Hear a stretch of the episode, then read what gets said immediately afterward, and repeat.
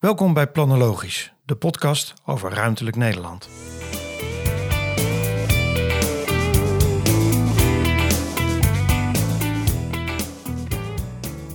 Nu toe gaat al die discussie over doorstromen vooral over het eh, argument om duurder te bouwen. Terwijl eigenlijk zeg je dat je zegt, jongens, dat is allemaal mooi en prachtig. Maar we gaan nu ook een, dat, gaat, misschien moet je dan die discussie voeren. Want in het kader van doorstromen hebben we het altijd over dat mensen een wooncarrière moeten maken naar duurdere woningen. En dit gaat over een andere wooncarrière waar we eigenlijk veel meer over na moeten denken. En dus als moeten programmeren. En dat zouden wij, ja. Ik zou dus, eh, als ik eerlijk ben, staat niet meteen morgen op mijn lijstje, omdat nu Nee, maar het heeft te maken dat nu dreigt alles een beetje weer vast te lopen. En dus je wil nu weer vooral kijken van waar het enigszins kan, hoe hou je toch de beweging aan de gang.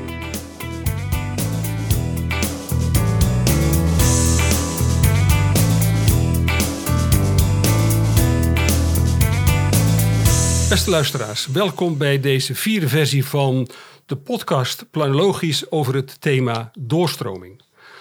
De eerste drie bijeenkomsten zijn geweest met de wethouder uit Breda, Daan Kwaars, met de bestuursvoorzitter van Mitros, Henk-Peter Kip, en met de directievoorzitter van AM, Ronald- Huikenshoven. Vandaag is onze gast Staf de Pla, voorzitter van de Taskforce Nieuwbouw Woningcorporaties.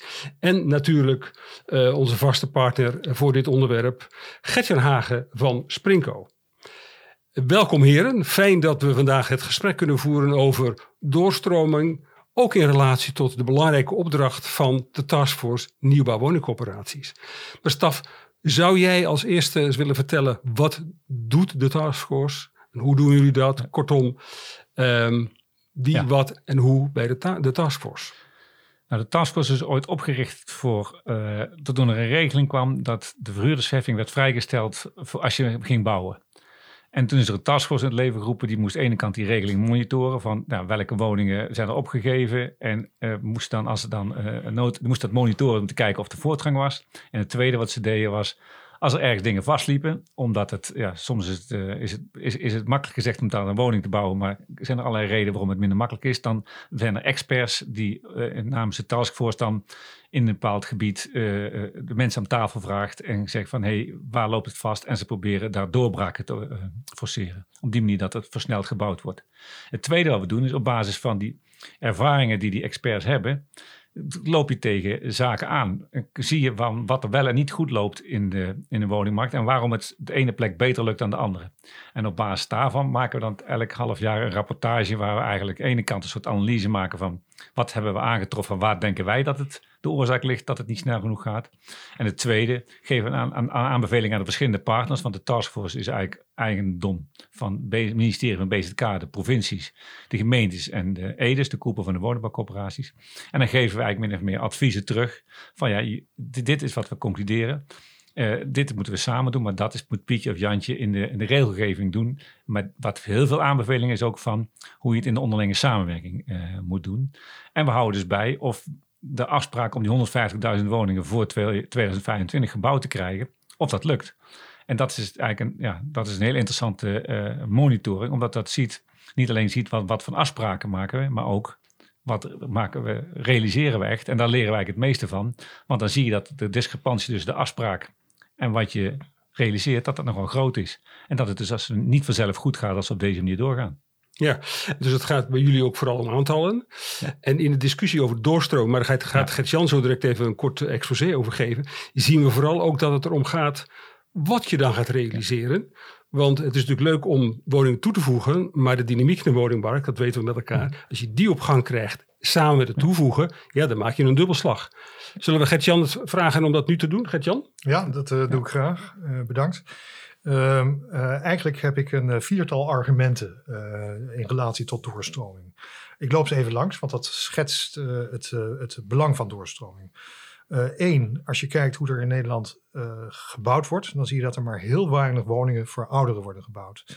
Eh, terwijl de, de eh, populatie ongeveer voor de helft uit 55-plussers bestaat, zie je dat er nog geen kwart van de hele nieuwbouwproductie naar deze groep gaat. Eh, en dat is gek, want we krijgen steeds meer ouderen. Die groep neemt enorm toe, dus die woningen voor ouderen hebben we keihard nodig. Dat is één. Dus we, ge- we vergeten voor bepaalde doelgroepen te bouwen. Twee, als je kijkt naar de benutting van de woningvoorraad, dan is, dat, dan is het in Nederland zeer laag. We zien dat er veel huishoudens erg ruim wonen. en zelfs zo ruim dat als je bijvoorbeeld de provincie Utrecht neemt, dan constateren wij dat er eigenlijk minimaal 100.000 zolders leeg staan in de provincie Utrecht. En dat is gek, want we hebben ook een enorm groot woningtekort. De maatschappelijke vraag is dus van hoe kunnen we nou eigenlijk de zaak organiseren, zodat we de ruimte die we hebben veel beter kunnen gaan benutten. Nou, doorstroming is daarvan echt een probaat uh, middel. Derde argument, uh, als je slim gaat bouwen, dan uh, leidt dat tot veel vrijkomende vierkante meters in, die, in dat totale ruimtegebruik. Je kan kiezen voor het bouwen van eengezinswoningen van 140 vierkante meter. Je kan ook kiezen voor het bouwen van kleine, misschien ook soms grondgebonden woningen voor ouderen van 80 vierkante meter. Uh, uh, op het moment dat je dat eerste doet, dan ga je de gezinnen huisvesten. Ouderen blijven in een grote woning bouwen. Dan bereik je eigenlijk heel weinig uh, om de voorraad beter te benutten. Op het moment dat je met je bouwbeleid goed aansluit op die woningvraag, en dat zijn kleinere woningen, dan ga je heel veel vierkante meters winnen. jaarlijks kan je op die manier de omvang van 25.000 woningen vrijmaken aan bouwvolume. Vier, dat is de laatste. Uh, dat is, uh, je hoeft niet alleen maar te bouwen om goed te gaan doorstromen. Uh, je kan ook voorrangsregels stellen. Dat als er bepaalde woningen die interessant zijn voor de doelgroep vrijkomen, dat je voorrang geeft aan die huishoudens voor wie dat interessant is. Dat doen we vaak niet. Uh, terwijl als je het zou doen, uh, dat ouderen bijvoorbeeld kunnen doorstromen, een grotere woning achterlaten, dan kan dat uh, behoorlijke effecten hebben op, het, op, op het vrijmaken van huizen voor onder andere starters en startende gezinnen. Er zijn eigenlijk vier elementen om het belang van doorstroming voor de maatschappelijke volkshuisvesting neer te zetten. Dus als ik het goed begrijp, zeg je, je moet vooral voor die mensen die in potentie een grote woning achter kunnen laten, die voor nieuwe gezinnen, jonge gezinnen geschikt zouden kunnen zijn, uh, bouwen waar hun vraag naar uitgaat. En ik hoorde jou net toch een ander punt zeggen. Dat zijn niet alleen maar appartementen, dat is ook grondgebonden woningen. Zeker. Zeker. Eh, vaak denken we aan bouwen voor ouderen dat het alleen maar appartementen zijn. Dat denken soms ouderen ook. Uh, maar je ziet eigenlijk steeds meer voorbeelden van aantrekkelijke grondgebonden woningen voor ouderen. En dat is niet de aloude eengezinswoning, uh, de doorzonwoning. Uh, maar dat kunnen woningen zijn in een hofje uh, en dergelijke. Als je kijkt naar de hoeveelheid mensen die zich hebben ingeschreven voor bijvoorbeeld het Knarrenhof, die houden dat bij over heel Nederland, dan zijn dat 30.000 mensen. Die, die zijn bij de gemeentes niet bekend, maar die hebben zich geïnteresseerd getoond. Blijkbaar zijn ze op zoek naar iets wat daar wordt geboden. nou, dat, dat zijn dus hoge volumes. Ja. Staf, als je dit nu hoort, wat, wat gaat er dan in je hoofd om? Nou, een paar dingen van. Um, wat ga je dan anders bouwen? Hè? Is, het, is, het, is het een gebrek aan aanbod of is er ook heel veel. Wat, uh, wat houdt mensen tegen om die stap te zetten? Kijk, op het moment dat er 30.000 mensen zijn die het willen, dan uh, bedoel, iedereen telt. Ik bedoel, de, deze, uh, bij deze woningnood over 30.000 woningen moet je niet vrij spelen. Dat is een dat is een serieus aantal uh, woningen. Dus ik, dat, dat, is eigenlijk een vraag die ik wil stellen van... is het nou dat mensen niet de stap zetten of dat het aanbod er niet is? Want je zou ook zeggen van het is niet alleen voor ouderen... maar die kleinere eenheden, die zijn ook voor heel alleenstaande jongeren prima uh, geschikt. Dus, dus waar, waar, waar zit de beperking?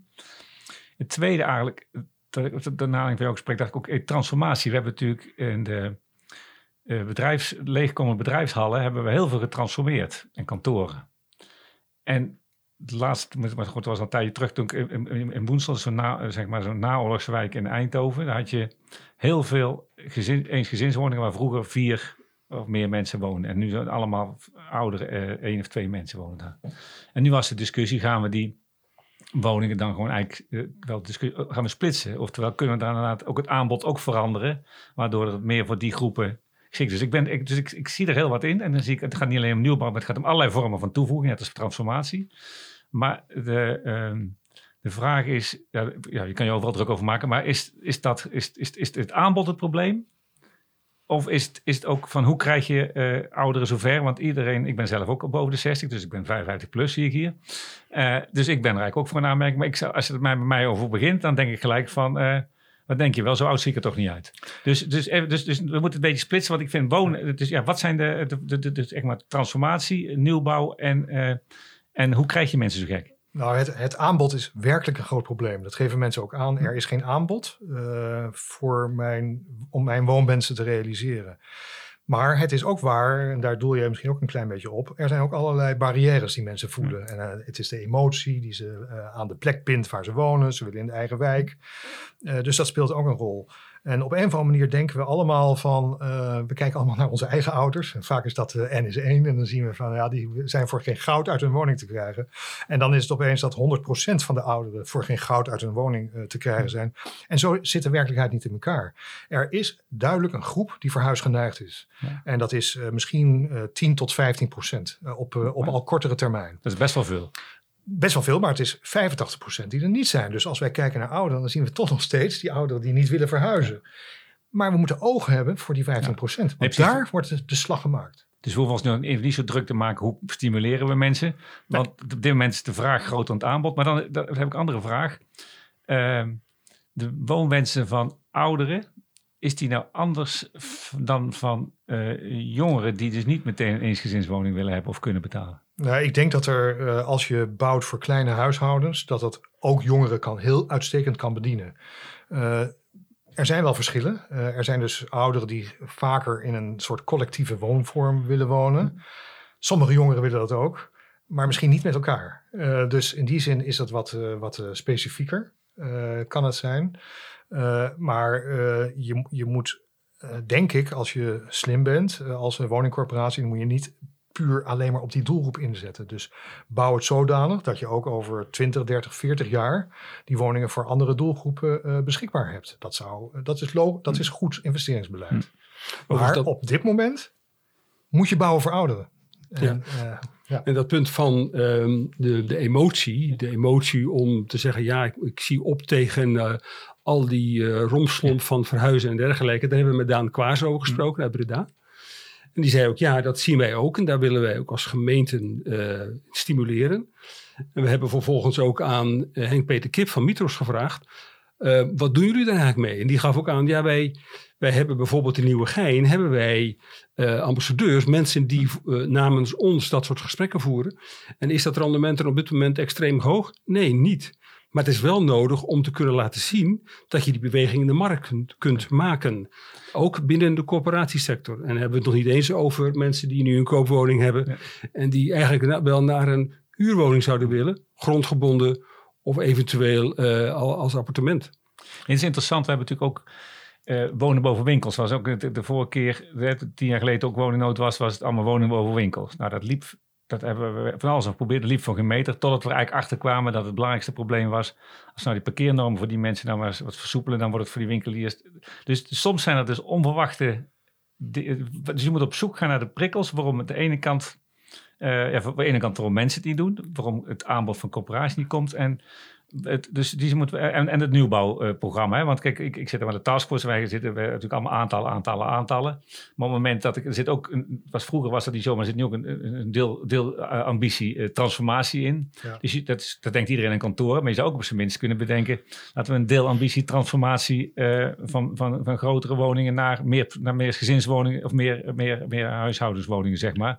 Zonder dat je dan meteen terechtkomt in het, in het verkameren van woningen met alle overlast die daarbij komt. Ja, een nette vorm van splitsing, hoor ik Ja. je zeggen. Ja, maar ik, ik denk dat dat soort zaken, transformatie en, en splitsen van woningen, dat dat ook bijdraagt. Ja.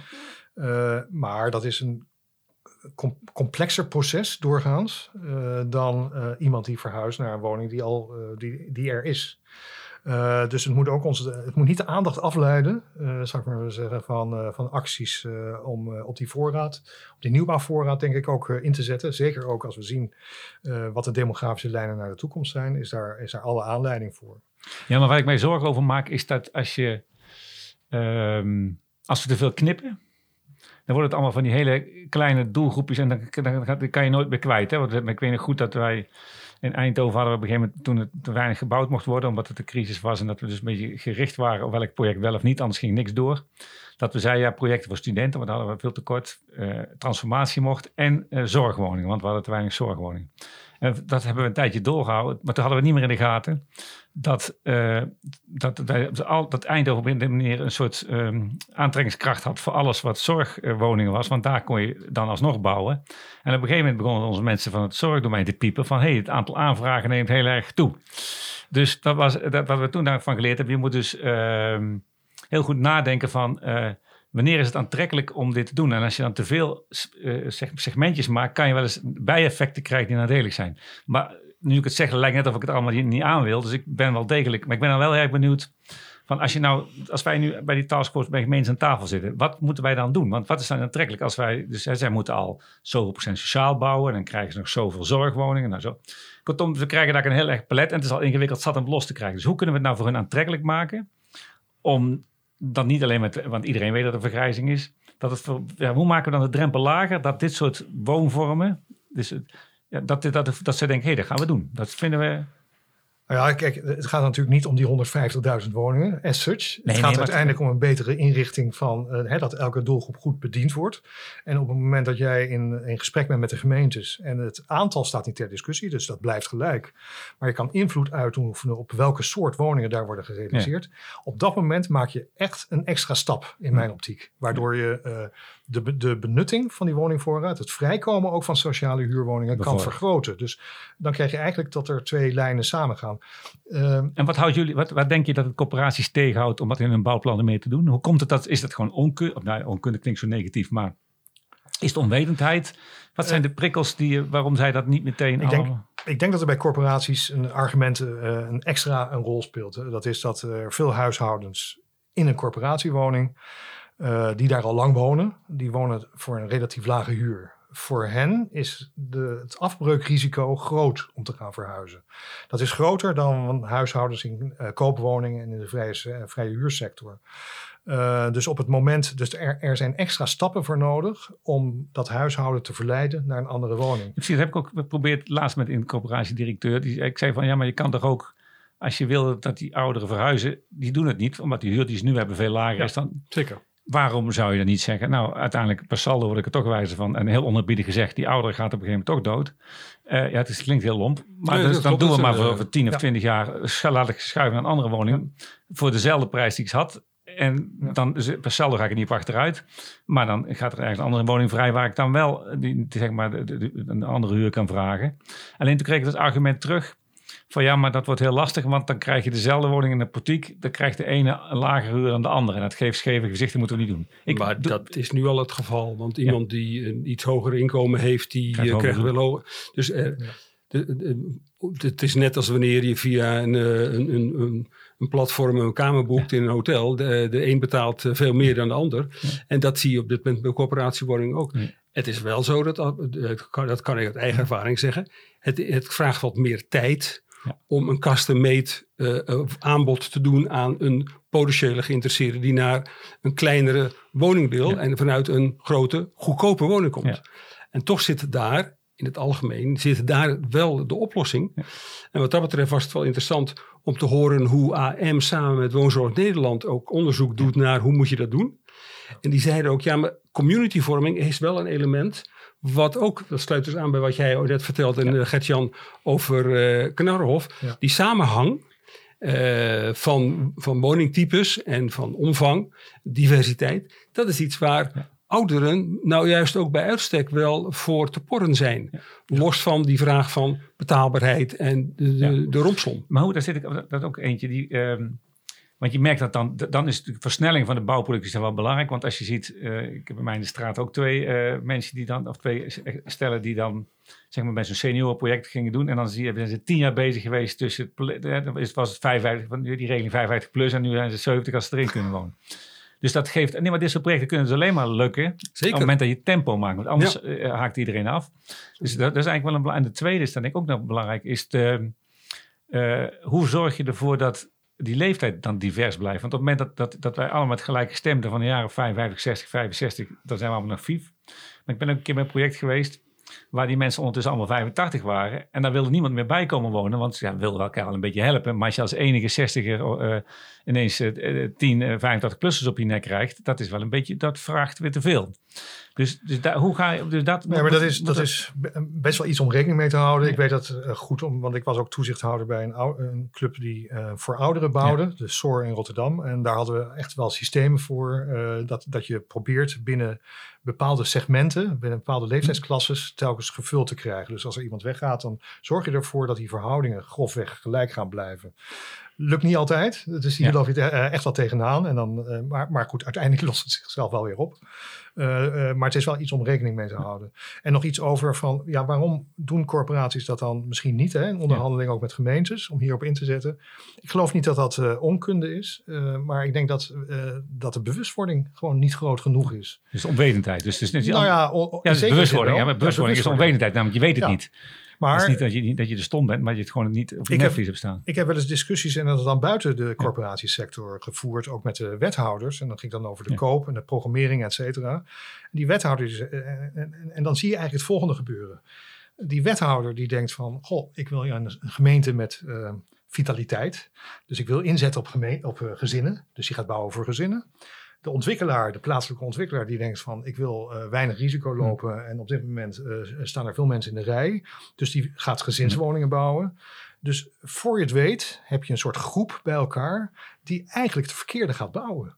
Eh, uit, uitgaande van hun, hun eh, Persoonlijke, persoonlijke belang situatie. en persoonlijke visie. Ja. En het is belangrijk, denk ik, in de bewustwording om daar een beeld tegenover te schetsen. Eh, ik- wat een beetje op langere termijn is. Nou, ik vind het, ik, het zet mij wel aan het denken, want toen ik zeg maar bij de spoorzone ook over, er waren wel heel wat dat we vonden, we wilden een roltrap van woningen. Ook Je hebt het nu over de spoorzone. Spoor, in- sorry, Spoorzone Eindhoven bij. Strijpest. Daar hadden we hele discussies over. Het, het gebied is nu hip. Hoe zorgen we dat over 10 of 20, 30 jaar nog steeds een gebied is waar niet mensen wonen en zeggen: Het was vroeger leuk hier en nu is het een saai boel. Dus we hebben heel erg, het ging over bedrijvigheid, eh, die, die van start-ups, naar dat, niet, dat, dat, de verschillende prijsklassen noemen, we de roltrap, maar ook van woningen. Dus het ging over omvang, huur, koop, prijsklasses. Maar we hebben het eigenlijk nooit gehad over. eh, dus het lijkt of het enige wat wij als gemeente dan over discussiëren is dan differentiatie tussen koop, huur en prijsklasses. En een beetje zorgwoningen. Eh, maar ehm seniorenwoning is eigenlijk. Ja, dat is. misschien- Ik, ik, ik- we hebben het er gewoon nooit over gehad. En, dat, en terwijl dat, terwijl die argumenten die je net noemde, speelden niet. Want we hadden genoeg jonge mensen. Dat was ons echt probleem niet. Eh, dus het was niet zo dat we bang waren dat we te veel grij... Nou, nee, want dat had ons alleen maar kunnen helpen. Dat we daardoor meer woningen vrij speelden voor, eh, eh, voor, voor gezinnen. Dus Ja. ik vind het een interessante gedachte, omdat je namelijk... dus het is eigenlijk ook voor... Ja, dat klinkt helemaal raar natuurlijk. Dat het een soort taalkwestie is. Dat wat, als je erover begint over seniorenwoningen... Wat dat bij, zeg maar, bij beleidsmakers en bij ontleggers zo voor iets in het hoofd doet. Wat dat voor een beeld geeft, wat dan iets anders is dan waar jij het over hebt. Dus dan is het, ja. Dus dat is interessant Nee. dat bedenken dat... Nou, eh, eh, zeker interessant. Wij, wij, wij onderscheiden. Ik ben heel veel al bezig met deze groep. En wij, ik onderscheid eigenlijk tegenwoordig een extra groep. Hè. Dus, eh, dus je hebt, je, hebt je, gez- je jongeren, je hebt je gezinnen, gezinsfase. Dan krijg je je empty nest fase. En dan krijg je, pas daarna krijg je ouderen die Ja. ook zorg vragen. Die empty nest fase, waar ik zelf trouwens ook in zit. dat is een fase die heel lang duurt. Misschien wel van eh, 55 tot 80 jaar, 25 jaar. Langer dan je in de gezinsfase hebt Ja. gewoond.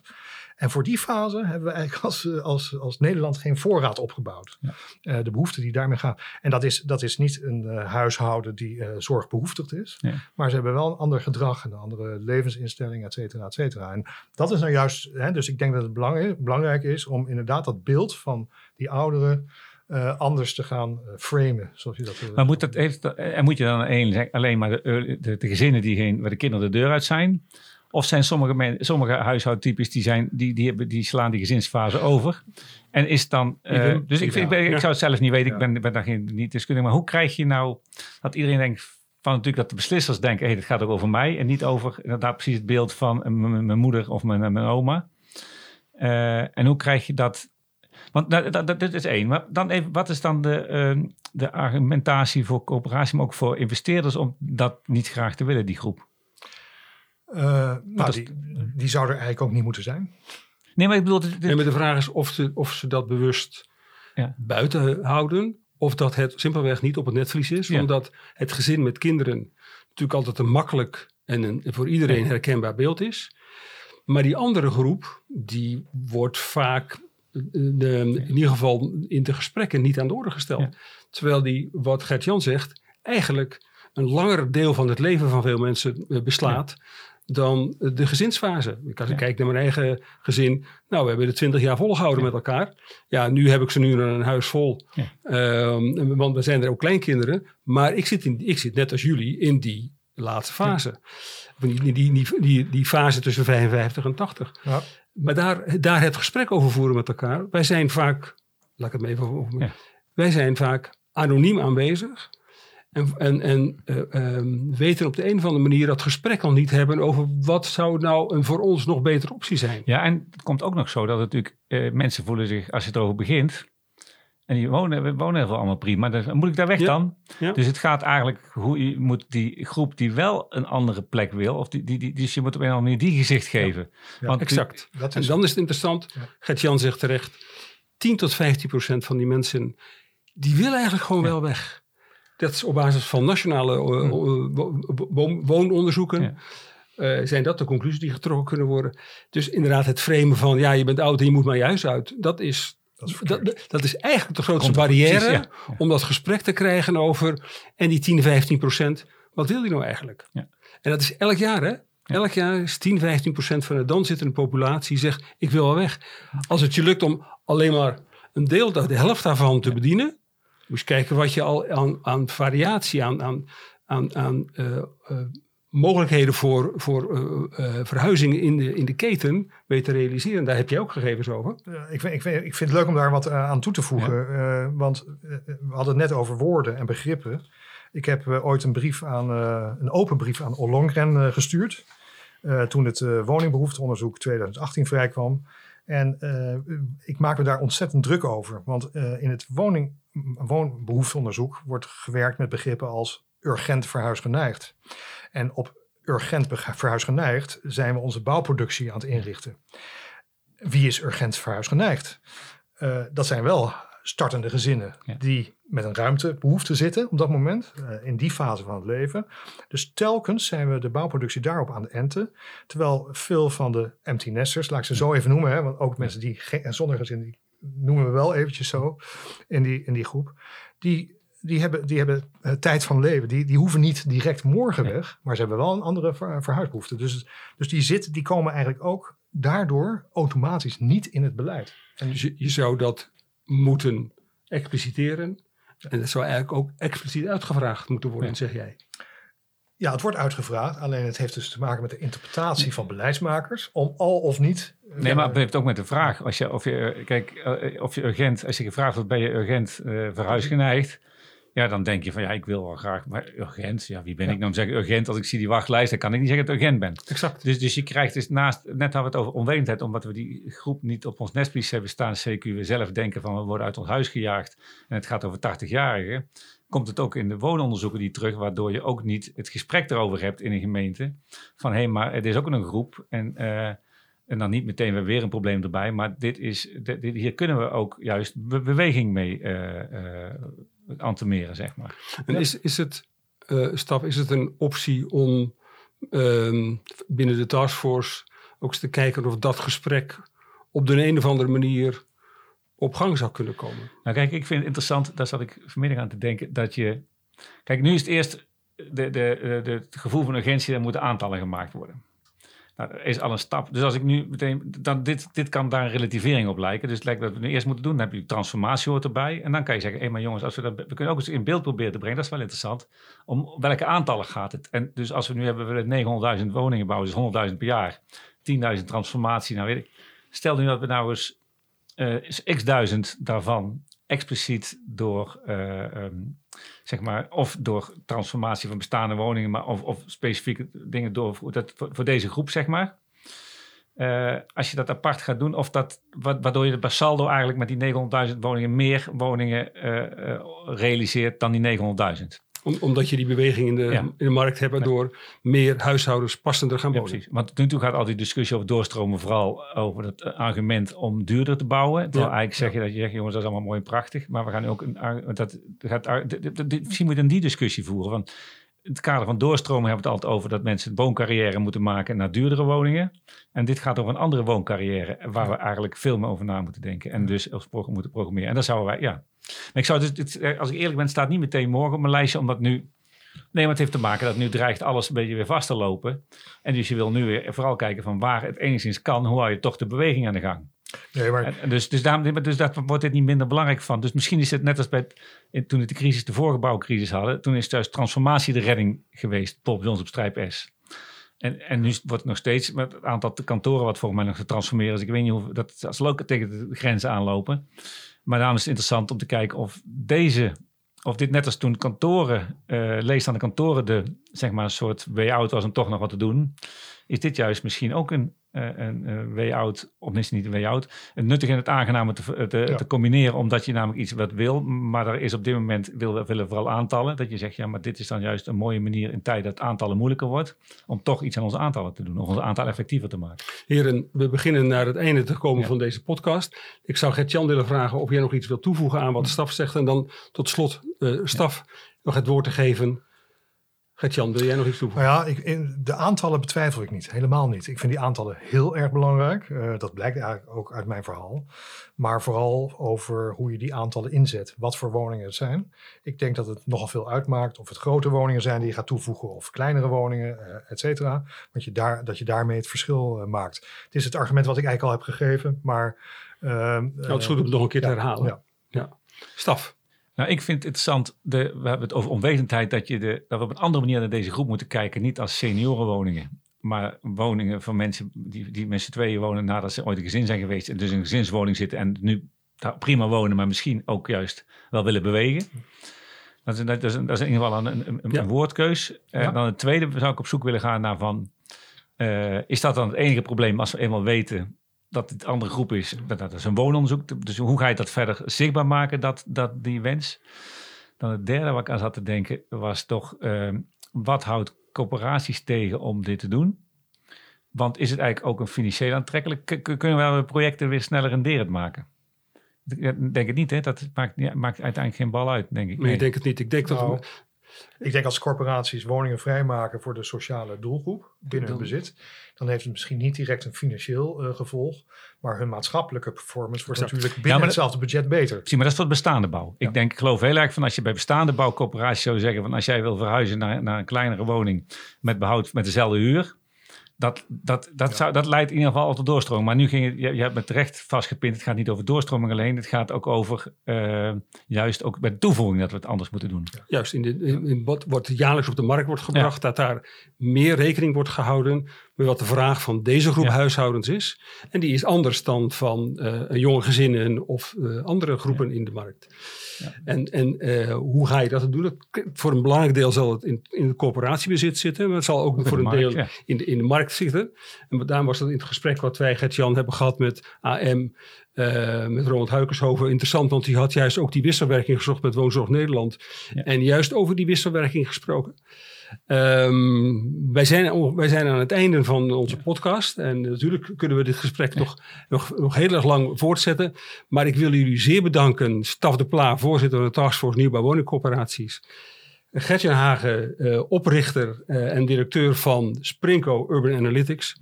Mijn naam is Peter Ruigrok. Ik dank u luisteraar hartelijk, hartelijk voor, uw, voor uw interesse. En uh, wellicht komt hier nog weer een vervolg op. Dank u wel en tot horens.